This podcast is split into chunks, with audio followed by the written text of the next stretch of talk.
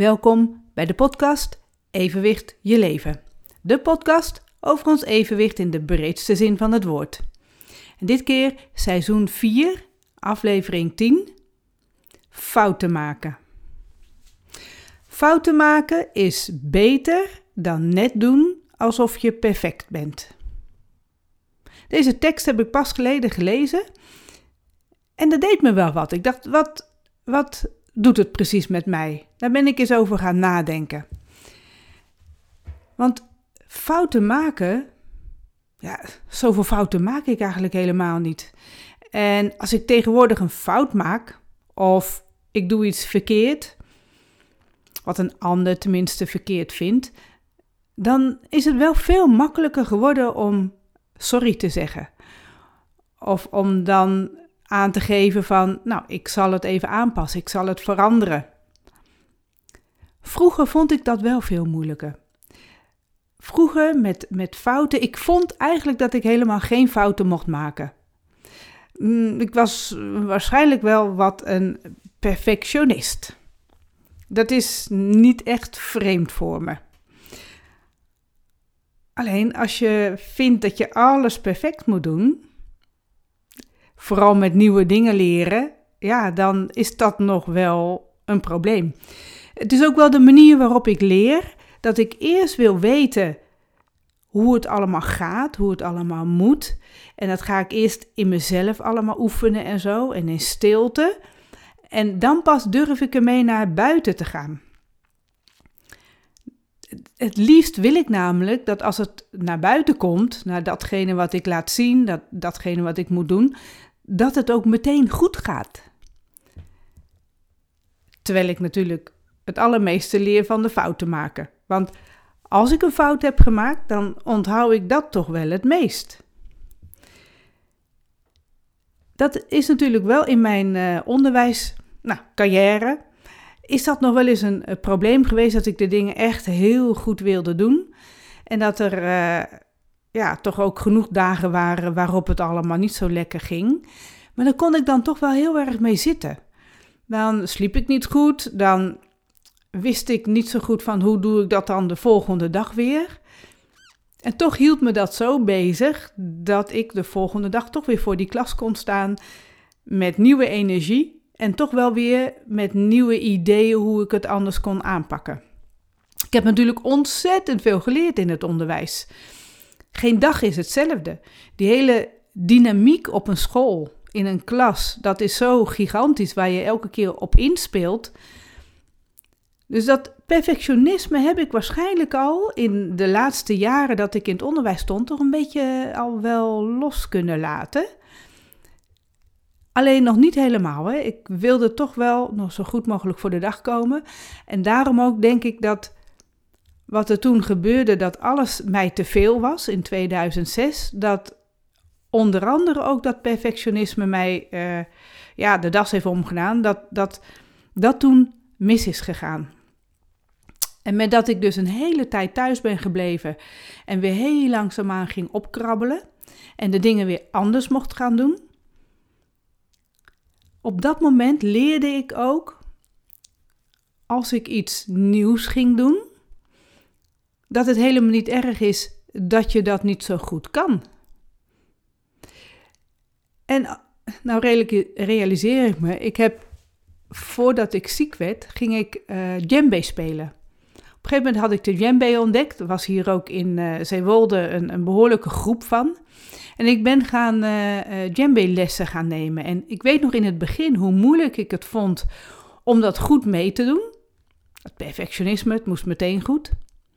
Maar naarmate we vaker speelden, kon ik steeds makkelijker loslaten dat het perfect moest zijn. En dan ging ik af en toe de fout in. Daardoor ging ik wel steeds meer met ontspanning spelen. Ik vond het steeds leuker om muziek te maken met de hele groep en, en daarin te spelen. Nou ja, en dan ging het een keer mis. En ja, dan kijk je elkaar aan of niet, want misschien hebben de anderen het niet eens zo gauw in de gaten.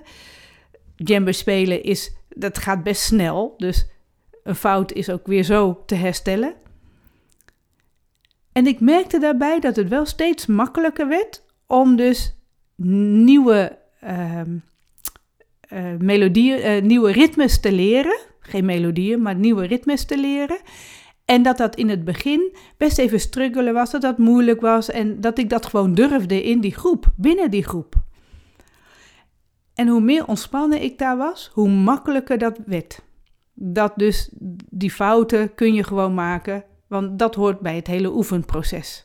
Heel logisch eigenlijk wat ik natuurlijk in de klas met kinderen heel vaak had, dat kinderen moesten blijven oefenen en oefenen en oefenen. En dat ik dat prima vond dat ze gingen oefenen. Heel raar dat ik dan bij mezelf het oplegde dat ik het perfect moest doen. Alleen ja, dat is natuurlijk het kenmerk van perfectionisme. Ik heb het daarna, nadat ik dus weer ging opkrabbelen, na 2006, uh, het zal 2008 zijn geweest, 9, misschien nog iets later. Toen heb ik stembevrijding ontdekt. En met stembevrijding leerde ik weer mijn eigen klank te maken. Ik had daarvoor al, al een hele tijd niet meer gezongen. Vond ik best eng. En met dat ik wel weer mijn stem klank durfde te geven, melodieën durfde te maken Daarin merkte ik ook dat ik steeds makkelijker werd in het loslaten dat die melodie per se zo moet. Dus ik durfde ook daar steeds meer buiten de lijntjes te zingen, buiten de melodie om te zingen. En dat was letterlijk ook echt een bevrijding, dat ik dus op een melodie die, die een soort met een hele groep samen iedereen is, is een, een soort standaard melodie aan het zingen. En dat je daar dan een beetje rondomheen gaat freewheelen, dat mag dan ook hè, bij stembevrijding.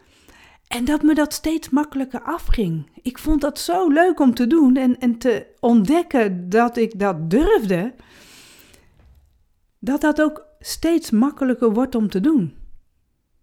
Elke keer nu als ik meedoe met mantra zingen of, of een, een workshop uh, stembevrijding, dan merk ik hoe makkelijker ik meega in het stem geven, in het klanken maken. En dat als af en toe komt het gewoon niet goed uit mijn, uit mijn mond, uit mijn keel. En soms zit ik er helemaal naast wat de melodie betreft wat anderen doen. Dan is het heel dissonant, misschien klinkt het zelfs vals. En dat doet me helemaal niets. Ik hoor het. Van, oh, ik zit ernaast. En vervolgens ga ik gewoon weer verder. Ik blijf er ook niet mee zitten of zo. Dus ik durf veel meer te freewheelen. Te, te, dus dat is makkelijker geworden. Nu durf ik ook steeds makkelijker toe te geven aan dat ik zelf ja, een fout heb gemaakt, uh, iets verkeerd heb gedaan. En Anders had je altijd direct de neiging om ook uitleg te geven waarom ik die fout heb gemaakt. En dat is ook heel vaak niet meer nodig. Ik vind het helemaal niet nodig om uitleg te geven. Ik zie en, voel dus het verschil tussen de reactie van, van, van mijn ego, zo van, van ik moet het perfect doen, en meer zo van ja, dat gedrag dat hoeft helemaal niet perfect te zijn. Dat, uh, is verre van. Ik heb het ook een tijdje geleden meegemaakt. Ik was toen ja, weer zo'n dag dat ik heel draaierig was. was. Was nog voor de zomervakantie. En ik ben toch gaan sporten. En ik heb daar direct aangegeven. Ik voel me draaierig. Ik ben niet helemaal uh, in orde zoals ik anders ben. En toen ben ik ook echt halverwege de les eruit gestapt en ik ben gaan douchen. Ik heb aangegeven aan de trainer: het lukt me echt niet, ik ga naar huis. Ik ben wel met tranen in mijn ogen naar huis gelopen. Het, het was allemaal even echt te veel. En ik merkte ook dat ik toch aan het vechten was met mezelf, omdat ik vond dat ik ja, op dat moment niet draaierig mocht zijn. En op het moment dat ik toegeef dat het wel zo is en dat dat mag, dan wordt het allemaal weer veel makkelijker. Want die draaierigheid die stopt wel weer. En de volgende keer kan ik gewoon wel weer lekker sporten. Maar het toegeven ook in die les dat het niet ging, dat was voor mij ook uh, dat ik merkte hoe makkelijker ik dat nu doe dan een paar jaar geleden. Of sowieso dan vroeger. Voordat ik überhaupt uh, uitgevallen was in het onderwijs. In het onderwijs liet ik me niet kennen. Ging ik toch door tot het uiterste. Dus ik ben veel makkelijker en wat dat betreft toch wat milder geworden naar mezelf. En dat ik toch ook ja, makkelijker toegeef. Dit heb ik niet goed gedaan, dit heb ik verkeerd ingeschat. Uh, nou, dit was toch niet het juiste moment. Sorry zeggen. Het gaat me veel makkelijker af. Het leuke is dat ik dat ook bij dat gebaren oefenen. Als we in de groep bij elkaar zitten, dan zijn we dus aan het oefenen. En ja, ik begeleid de groep. Maar dan wil het wel eens zo zijn, dan ben ik dus aan het gebaren en dan doe ik het toch niet helemaal goed. En dan word ik nou, bijna letterlijk op mijn vingers gedikt. Van, het moet anders. Dit gebaar is anders. En wat ik vroeger zou hebben, dat ik dat niet leuk vind, dat ik op mijn vingers getikt word, kan ik nu gewoon heel makkelijk oppakken. Ik, ik moet er zelfs om lachen.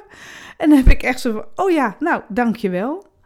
Want ik weet dat juist omdat ik dan ook gecorrigeerd word, dat die fout die ik gemaakt heb, dat ik hem daarna ook veel beter kan onthouden.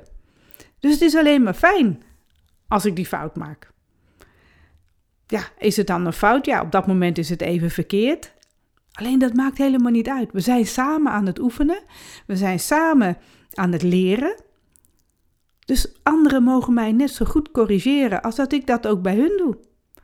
En dat gaat zoveel makkelijker voor mezelf dat ik ja, dat gewoon oppak en, en, en daarom lach. En wetend, ik ga dit beter onthouden.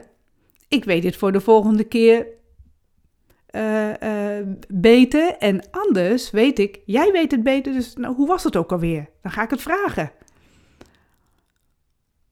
Ja, dat is gewoon heel erg lekker. Dat je dus wel fouten mag maken. Alleen, ik, kan, ik zal niet zomaar fouten maken om het fout te maken. Dat, dat, dat is iets wat ik, nou, wat niet echt in me zit. Ik zal niet zomaar een tekst de deur uit doen waarvan de spelling niet goed is en dat ik dat dan ook weet. Dat, dat kan ik niet. Dan wil ik toch dat dat zonder fouten, dat dat de deur uitgaat. En het heeft met name dan ook met spelling te maken, met zinsbouw. Uh, ja, ja, deze podcast maken. In het begin wilde ik ook dat het perfect ging. En naarmate ik dat toch vaker ben gaan doen, merk ik dat ik makkelijker toch, ja, af en toe uh, de utjes te zeggen, um, even het niet precies weet, een verspreking heb en dat het oké is. Dat jij nu luistert en dat je dan af en toe van mij hoort van, oh, wat een kromme zin. Dat merk ik helemaal als ik het geschreven zie, dat ik af en toe hele rare zinnen maak. Maar in het luisteren heb je daar helemaal geen last van. Dus het is ook echt, je kunt beter luisteren naar wat ik zeg dan dat je het alleen maar leest. Want dan zijn het gewoon wel rare zinnen. En ook daar ben ik helemaal ja, oké mee dat ik dat toch deel. Dat hele volledige transcript staat bij de podcast. Kun je meelezen. Maar als je het alleen leest, is het wel een stuk moeilijker. Dan, dan, ja, dan heb je echt van, hè? Hoe zit dit? Dan hoor je ook de pauzes niet die ik maak.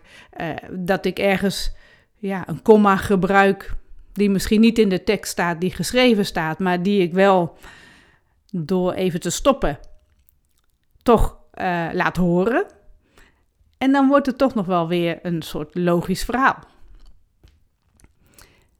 Dus ik hou me over het algemeen wel heel goed aan de regels, aan de afspraken. En ik zal dus niet zo gauw bewust fouten maken. Dat wil ik nog wel eens bij spelletjes doen, maar dan lok ik het uit. Dan heb ik het van tevoren bedacht om dat foutje te maken. Ik weet dat ik nog bij een presentatie heb gedaan dat ik uh, een presentatie gaf over het evenwicht. En dat ik op de achtergrond bij mij aan de deur iets scheef had opgehangen. Het was online en mensen konden zien dat het scheef hing. En niemand zei er wat van. En op een gegeven moment, zo van, ging het dus over dat uh, in balans komen. En dat ik aan wilde wijzen achterop bij mijn model van nou, waar het zit. En, En ik zie dat, ik zeg, oh, hij hangt helemaal scheef, hij hangt helemaal niet recht. En dat had natuurlijk met die balans te maken. Dus op de manier waarop het gebeurde, was dat gewoon heel grappig. Had, had iedereen dat ze ineens door hadden, dat, dat dat dus ook een functie had. Dat, dus dan maak ik, ja, de, de, de fout eigenlijk bewust. En dan komt hij ook nog wel heel leuk aan als je daar dus op de goede manier, meer een soort, soort grapje maak je ervan. Maar ik leer dus wel ook, als ik echt een fout maak die ik niet van tevoren kon inschatten, daar leer ik toch wel het meeste van. En als je dan iets hebt gedaan, wat zo'n lezing bijvoorbeeld, dan krijg je daar allemaal complimenten voor. En, dat, uh, en die neem ik altijd heel dankbaar aan. Ik heb alleen de lezing niet gedaan om complimenten te krijgen. Ik wil zo goed mogelijk mijn verhaal doorgeven. En dan wil ik niet per se horen van, nou dat heb je hartstikke goed gedaan. Dat is fijn, vind ik heel leuk om te horen. Het is niet waarom ik het doe. Net als met deze podcast. Ik ben er niet op uit om alleen maar complimenten te ontvangen. Ik ben erop uit om dingen te delen met jou. Waar je ook eens over na kunt denken. Daar heb jij misschien ook een mening over. Misschien ga jij heel andersom met uh, fouten maken en met perfect zijn. Misschien heb jij er helemaal geen moeite mee en nooit moeite mee gehad. Ben jij helemaal geen perfectionist geweest? En het gekke is als ik dus dan die complimenten krijg, dan dat ik later niet eens meer precies weet wat er nou precies allemaal ook goed is gegaan. Als er dingen fout waren gegaan, heb ik dat onthouden, heb ik ook genoteerd. Maar alles wat goed is gegaan, dat weet ik dan eigenlijk niet meer precies. Meer van, maar hoe heb ik dat dan gedaan? Wat, wat, wat is er wat ze zo goed vonden? Want ja, heel soms is het bijna gewoon perfect. Dus ja. Alleen fouten maken mag nog steeds.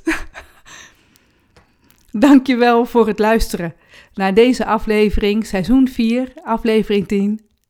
Fouten maken mag. En tot de volgende keer.